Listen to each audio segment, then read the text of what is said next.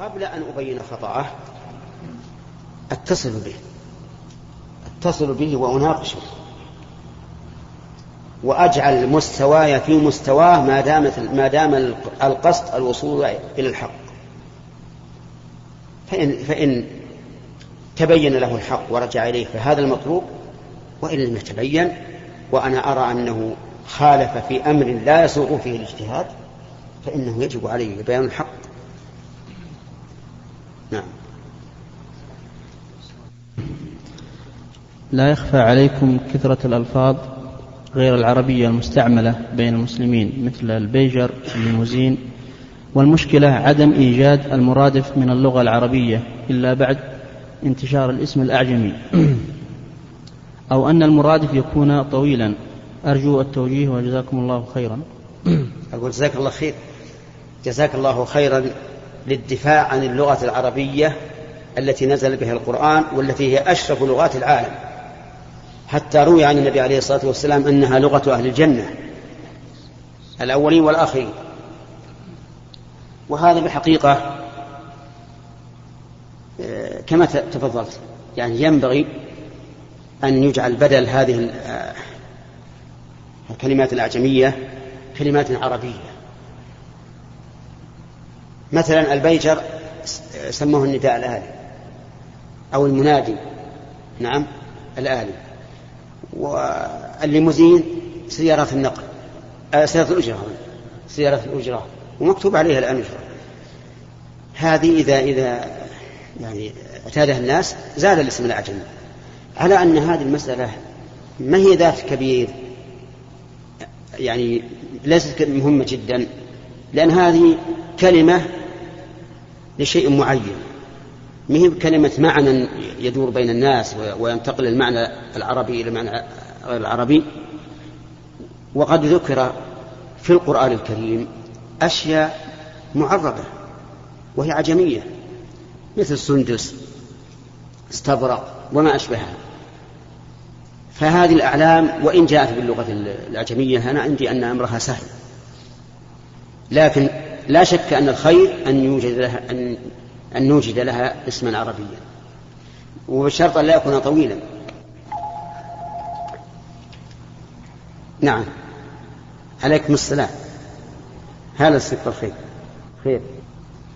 أقول هذا الاسم المطول زاد الأمر بلاء.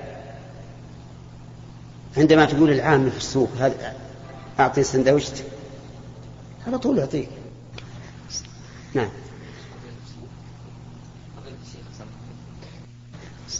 نعم. في عهد النبي صلى الله عليه وسلم في المدينة غلت الأسعار. إيش؟ غلت الأسعار. نعم. فقال الصحابة يا رسول الله سعر لنا. نعم. فقال النبي صلى الله عليه وسلم إن الله هو المسعر القابض الباسط الرازق. نعم. الحديث. نعم. فهل نسمي الله عز وجل بالمسعر؟ نعم. في عهد النبي صلى الله عليه وسلم في المدينة غلت الأسعار. إيش؟ غلت الأسعار. نعم. فقال الصحابة يا رسول الله سعر لنا. نعم. فقال النبي صلى الله عليه وسلم إن الله هو المسعر القابض الباسط الرازق. نعم. الحديث. نعم. فهل نسمي الله عز وجل بالمسعر؟ سلم إن الله هو المسعر القابض الباسط الرازق. نعم. الحديث. نعم. فهل نسمي الله عز وجل بالمسعر؟ الذي يظهر لي أن هذه من من صفات من صفات الأفعال. من صفات الأفعال. يعني الله هو الذي يغلي الأشياء ويرخصها. فليست من من الأسماء. هذا اللي يظهر لي والله أعلم. لكننا نقول كما قال الرسول. نعم. على الميراث. فيما إذا أراد أحد الأبوين إعطاء أولاده شيء من المال. نعم. يعني إذا أراد الأب أن يهب أحد أن يهب أولاده فهل يسوي بين الذكر والأنثى؟ أو يجعل للذكر مثل حظ الأنثيين نقول الصحيح أنه يجعل للذكر مثل حظ الأنثيين لأننا نعلم أنه لا قسمة أعدل من قسمة الله عز وجل. نعم. يا شيخ هل النهي في الحديث عن السمر للكراهة أم للتحريم؟ وما حكم لعب الكرة بعد العشاء ولو يوم في الأسبوع؟ نعم. كان النبي صلى الله عليه وسلم يكره النوم قبل العشاء والحديث بعدها. لكنه ليس للتحريم اللهم إلا أن يؤدي ذلك إلى ترك صلاة الفجر. فيكون حينئذ للتحريم وتحريمه من باب سد الذرائع. وأما لعب الكرة بعد العشاء يوما واحدا في الأسبوع أو كل يوم فإن نسأل أولا كيف يلعب هؤلاء الكرة؟ أحيانا يلعبونها على وجه غير مرضي. تجد أفخاذهم أو خارجها أو بعض الفخذ أو أكثر الفخذ وهم شباب وظهور الفخذ الشاب فتنة لا شك. ثم إنه قد يؤدي بهم الأمر إلى أن يمضي أكثر الليل في اللعب ثم تفوتهم صلاة الجماعة أو يفوتهم الصلاة في الوقت. فلعب الكورة أنا لا أرى فيه بأسا من حيث الأصل. ما لم يشغل عن واجب أو يوقف محرم فيكون حراما. لهذا السبب. نعم. يا شيخ شيخ إذا طلق الزوج زوجته طلقة رجعية في أثناء طلقة رجعية ثم أردف لها طلقة ثانية في أثناء العدة قبل أن يراجع هل تقع هذه الطلقة الثانية؟ آه، أكثر العلماء على ذلك أي على أنها تقع. الطلقة المرادفة للطلقة تقع. واختار شيخ الإسلام رحمه الله أنها لا تقع وأنه لا يقع الطلاق الثاني إلا بعد نكاح أو رجعة. وقوله هو الصواب.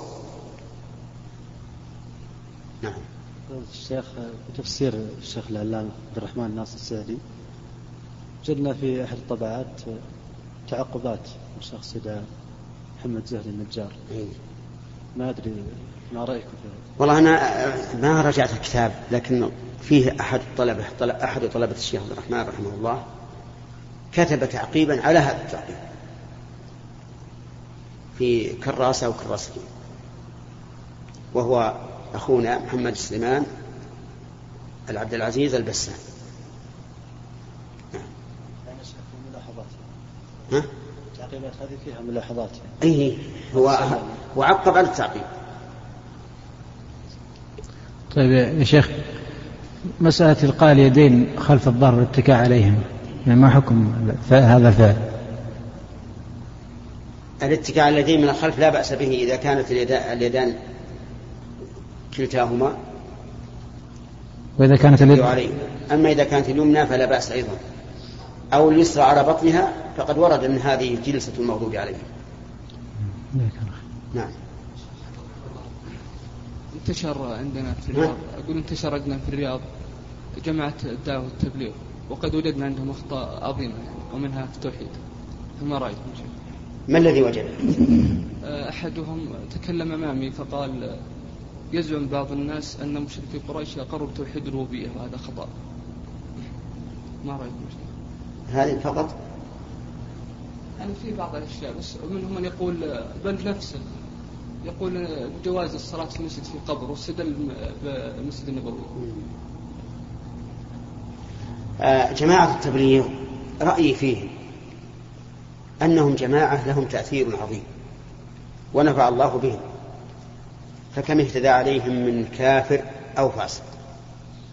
وهذه حسنة لا يجوز إنكارها أبدا ثم هم هادئون. هادئون لا يتكلمون في أحد بل إنهم من شدة ورعهم الذي قد نحمدهم عليه وقد لا نحمدهم أنهم لا يتكلمون في مسائل العلم والفقه خوفا من الزلل. وإذا استفتاهم أحد قالوا اسأل العلماء. لكن فيهم جهل عظيم فيهم جهل كثير لأن عامتهم عوام. عامتهم عوام. فلو أن طلبة العلم خرجوا معهم ونظروا ما عندهم من البدع أو ما يظن أنه بدعة وأرشدوهم لكان في هذا خير كثير.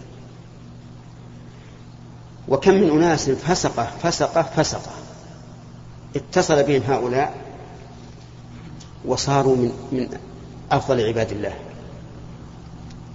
لكن الذي أنصح به أن لا يذهبوا إلى خارج البلاد البلاد السعودية. لأن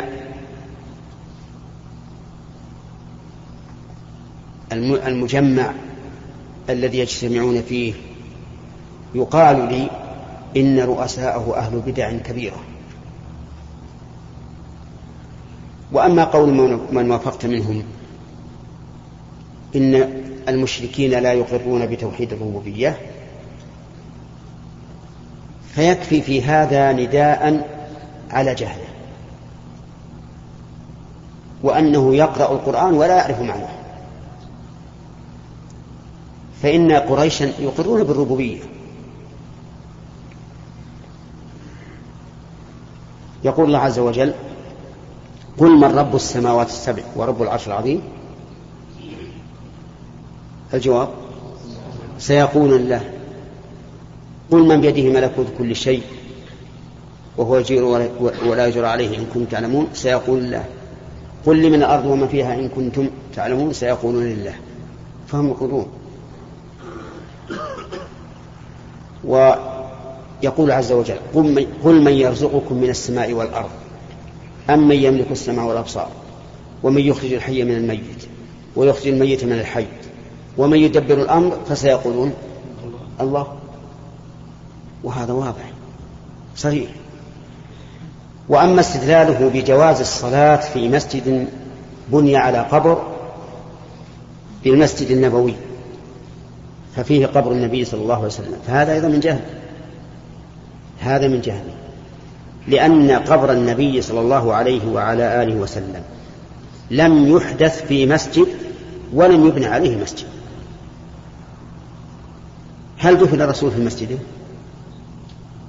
أين دفن؟ في بيت عائشة.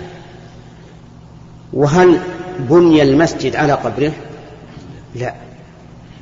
لكن لما احتاج الناس إلى توسعته ورأوا أن أنسب مكان يوسع منه هي الجهة الشرقية وسعوه وبقي القبر في مقصورة. في مكانه في بيت مستقل. فليس هو في المسجد ولم يبنى المسجد عليه. وهذا واضح. نعم. نحن نمنع من التعقيب على الأسفل لأننا لو عقبنا جاء جار ومجرور ومضاف ومضاف إليه وناعة ومنعوت نعم. أحسن الله إليك شيخ. بالنسبة للشيخ رجل وقع في بدع متنوعة في كتبه في إيش؟ في بدع متنوعة في كتبه وأقواله. فهل يشترط لتسمية هذا الرجل أو غيره من الناس مبتدئ مبتدعا أن تقام عليه الحجة؟ والله بارك الله فيك إن كان هذا الرجل موجودا والناس يأخذون منه وهو داعية فلا بد من ذكر اسمه. وإلا فلا حاجة. اذكر القول الذي ضل فيه وبين أنه ضلال.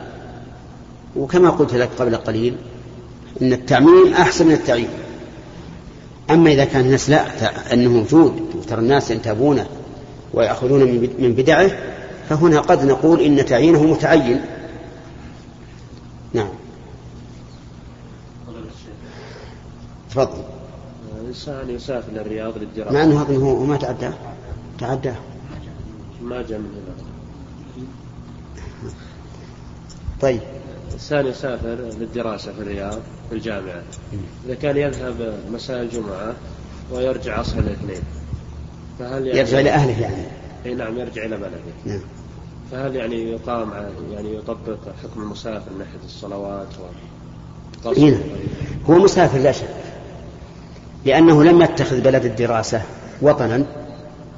ولم ينوي فيه الإقامة المطلقة بل إقامته لغرض لكنه إذا كان في بلد تقام فيه الجماعة يجب عليه أن يحضر الجماعة. وما اشتهر عند بعض العوام أن المسافر لا جماعة لا جماعة عليه ولا جمعة فهذا لا أصل له. الجماعة واجبة على المسافر ولو كان في القتال؟ وإذا كنت فيهم فأقمت لهم الصلاة فلتقم طائفة منهم معك. والجمعة واجبة على كل من سمع النداء يا أيها الذين آمنوا إذا نودي للصلاة من يوم الجمعة فاسعوا إلى ذكر الله. لكن إذا فاتتك الصلاة مثلا هناك أو كنت في مكان بعيد عن المساجد فإنك تصلي ركعتين. نعم. آه، كل المدبر اللي من ما, ما ما نسمح له. ها؟ طيب. أحسن الله إليك يا شيخ. قوله صلى الله عليه وسلم لا صلاة لمنفرد خلف الصف. لو جاء أكثر من رجل وأدركوا الإمام وهو راكع وصفوا في الصف الثاني أو وقفوا في الصف الثاني مع وجود فجوات من اليمين والشمال هل نقول أن صلاتهم لا تصح أو عليهم الإعادة؟ إذا وقف إذا وقف اثنان خلف الصف الذي لم يتم. سواء خافوا فوات الركعة أم لم يخافوا فصلاتهم صحيحة. لكنهم تركوا الأفضل وهو إكمال الأول في الأول. هذا على ما قول على ما قال الشيخ أن الصلاة لا تصح للمنفرد. اي نعم على قول لأنه ليس منفردا. الرسول عليه الصلاة والسلام رأى رجلا يصلي وحده خلف الصف. على أن القول الراجح أنك إذا وجدت الصف تاما فلا حرج عليك أن تقف منفردا. اي نعم. شلون رجع شلون رجعنا يا أخي دبر الناس. في قوله تعالى يوم لا يغني مولا عن مولا شيئا. سبب التنوين في مولا هذا مثل هدى. الألف هنا ليست ألف التأنيث. الذي يمتنع من التأنيث من التنوين إذا كانت الألف فيه ألف تأنيث. أما هذه فهي من الاسم يعني من بنية الكلمة. مثل هدى ورضا وما أشبهها. نعم.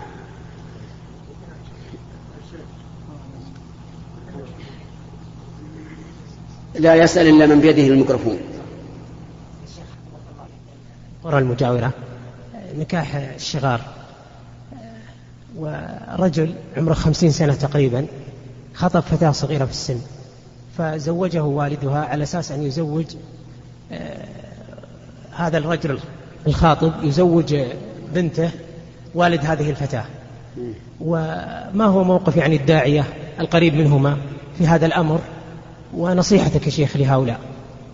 وبينهما صداقة بينهما صداقة نعم. الأمر ما سهل. إذا كان بينهما صداقة المثل. نعم. صداقة المثل. نعم بينهما صداقة فالنكاح صحيح. لأن الفقهاء رحمهم الله مختلفون في هذه المسألة. هل إذا سمي النكاح إذا سمي صداق صداق مثل وبدون إكراه من الزوجة هل يصح أو لا؟ والراجح أنه يصح. لكن ليس قولي إن الراجح أنه يصح أني أفتح الباب للناس لا. لكن مثل هذه المسألة اللي وقعت وانتهت ولا 25 سنة وأتاهم الأولاد ما لا لا نفرق بينهم. نعم. حتى ولو كان قريب. ما دام المهر كامل أنا أرى أن نكاح إذا تمت شروط ثلاثة. أن يكون كل واحد من الزوجين كفءا للمرأة وأن يسمى مهر مهر المثل وأن لا تكره واحدة منهما على النكاح أرى أن هذا صحيح. نعم. ولكن لاحظ لا يجوز للإنسان أن يمنع ابنته حتى يأتيه رجل يتفق معه على هذا الشرط. هذا حرام ولا يجوز. نعم. قلت الشيخ هل الشعر الذي على الخد يعتبر من اللحية؟ هل هل؟ الشعر الذي على الخد الشعر الذي على الخد من اللحية. كما جاء ذلك في القاموس المحيط. بعد. أحسن الله إليك يا شيخ وغفر الله لك. عندما نناصح بعض أصحاب المحلات بعدم أو بحرمة بيع الدخان كما أفتيتم بذلك وبعض المجلات الساقطة يحتجون بأنها مسموحة ولو أنها حراما لمنعت. فكيف يكون الرد على هؤلاء؟ وعلى كثير من أمثالهم مما يحصل من المسلسلات الساقطة أيضا والأغاني الماجنة يقولون أيضا لو أنها لم ت... لو... لو كانت حراما لمنعت. فكيف يرد على هؤلاء؟ عفى الله عنك. سهل أفضل ما مصدر التشريع؟ عمل الناس أو الكتاب والسنة؟ أسألكم الكتاب والسنة. فإذا دل الكتاب والسنة على تحريم شيء فلا عبرة بعمل الناس. وليس ذلك بحجة. ولا يمكن أن يدفع الإنسان حجة الله عليه يوم القيامة بمثل هذا إطلاقا. لقول الله تعالى ويوم يناديهم فيقول ماذا أجبتم المرسلين؟ ما قال ماذا وافقتم المجتمع. قال الله تعالى فعميت عليهم الأنباء يومئذ فهم لا يتساءلون. عميت عليهم الأنباء هم ما يستطيع الواحد يجيب ولا يسأل غيره أيضا. فيقال نحن أقمنا عليك الحجة فإن اهتديت فلنفسك وإن لم تهتدي فقد قال الله تعالى لرسوله لست عليهم بمسيطر. إلا من تولى وكفر يعني لكن من تولى وكفر فيعذبه الله العذاب الأكبر. نعم. ما فيه فضيلة الشيخ. يلا يا أخي من اللي, من اللي بعد فضيلة الشيخ. نعم. شلون؟ بعض الناس يقول أني لا أزكي مالي أو لا أتصدق إلا بقصد نمائه لا بقصد إلا بإيش؟ إلا بقصد نماء هذا المال والبركة فيه إيه؟ فما توجيه؟ لا بأس لا بأس لكن نيته نيته في الواقع يعني متأخرة جدا وإلا فقصد الأشياء هذه قد نبه الله عليه قال نوح لقومه استغفروا ربكم إنه كان غفارا. يرسل السماء عليكم مدرارا ويمددكم بأموال وبنين ويجعل لكم جنات ويجعل لكم أنهارا. هل هذا الذي ذكر لهم يقصد به الترغيب لأجل أن يفعلوا هذا؟ لهذا. لكنها نية قاصرة لا شك. ثم النبي عليه الصلاة والسلام قال ما نقصت صدقة من مال. يراقب الناس. ثم قال أبين من هذا من أحب أن ينسى له في أثره ويبسط له في رزقه آه فليصل رحمه لم يجعل الله عز وجل هذه الفوائد الدنيوية إلا ترغيبا للناس وإذا كانوا يرغبون بها فسوف يقصدونها. لكن لو قصد الآخرة حصلت له الدنيا. كما قال تعالى من كان يريد حرث الآخرة نزد له في حرثه. يعني نعطيها الدنيا والآخرة. نعم. تفضل. إذا دخل الرجل إلى المجلس فيقوم الناس للسلام عليه سواء كان قادم من سفر أو من نفس يعني البلدة لا بأس أن الإنسان يقوم إلى الشخص ليتلقاه بالسلام. أو التهنئة بمولود أو نحو ذلك. فقد قام طلحة رضي الله عنه حين أقبل كعب بن مالك ودخل المسجد والنبي صلى الله عليه وسلم يحدث أصحابه. فقام طلحة يهنئه بتوبة الله عليه. قال فكنت لا أنساها لطلحة. فهذا لا بأس به. ولهذا يقول العلماء في هذا الباب هناك ثلاثة أصناف من القيام. قيام للشخص وقيام على الشخص وقيام إلى الشخص. فالقيام إلى الشخص جائز بل يكون مطلوبا إذا كان أهلا لذلك. والقيام للشخص جائز لكن الأولى تركه إلا إذا إذا اعتاد الناس أن عدم القيام إهانة للداخل فقم. والقيام على الشخص هذا منهي عنه. حتى أن الرسول صلى الله عليه وسلم ذات يوم صلى بأصحابه جالسا فقاموا. صلوا قياما لأنهم قادرون. فأشار إليهم أن يجلسوا. وبين أن ذلك منهي عنه لأنه فعل الأعاجم بملوكها. إلا إذا كان في مصلحة للإسلام فقم. أو كان هناك خوف على الذي قمت على رأسه فقم. مثال المصلحة تعلمون أن النبي صلى الله عليه وعلى آله وسلم لما ذهب إلى مكة معتمرا صده المشركون. وكان بينه وبينهم مراسلات. وكان المغيرة بن شعبة رضي الله عنه قائما على رأسه بالسيف. ولم يقل له الرسول لا تقل لماذا؟ للمصلحة وهي إغاظة المشركين. ولهذا في ذلك اليوم كان الرسول صلى الله عليه وسلم إذا تكلم سكت. وإذا تنخم نخامة استقبلوها بأيديهم ثم دلكوا بها وجوههم وصدورهم مع أنه لم يكن هذا من عادتهم. لكن إيش؟ إيش؟ إغاظة للمشركين ولهذا لما رأى النبي صلى الله عليه وسلم رجلا يتبختر في مشيته بين صفي المسلمين والكفار قال إنها لمشية يبغضها الله إلا في هذا الموطن. مشية الخيلاء والتبختر حرام لكن إذا كان فيها إغاظة للمشركين فلا بأس.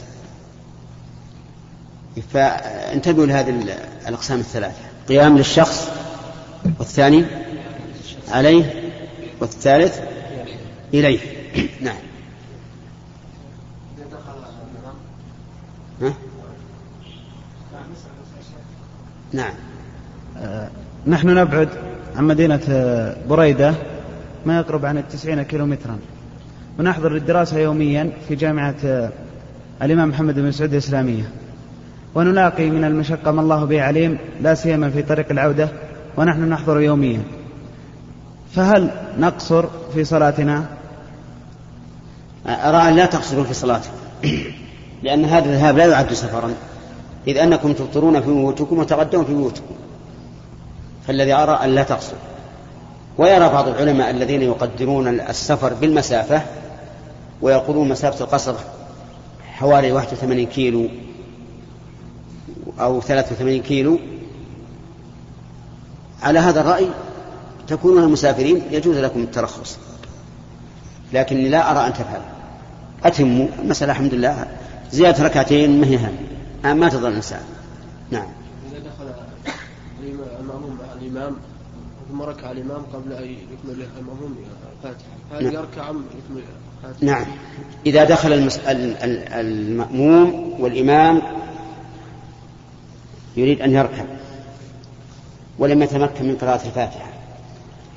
إن كان لم يبق عليه إلا آية أو نحوها يمكنه أن يكملها ويلحق الإمام في الركوع فحسن.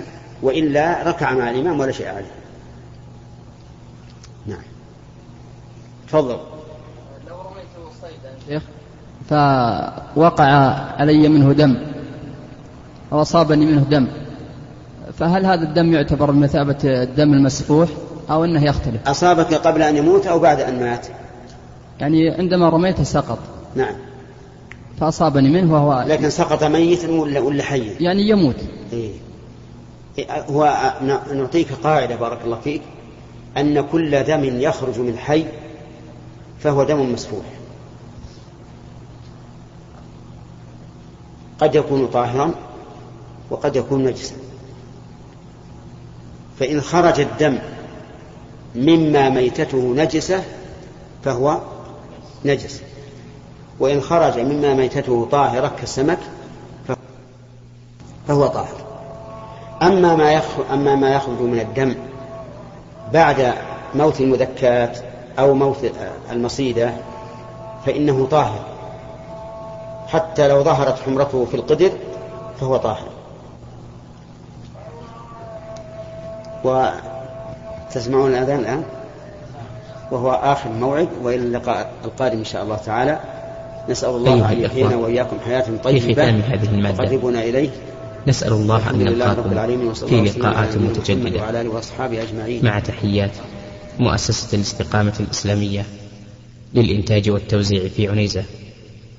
شارع هلالة رقم الهاتف والناسخة الهاتفية صفر ستة ثلاثة ستة أربعة ثمانية ثمانية ثمانية صفر.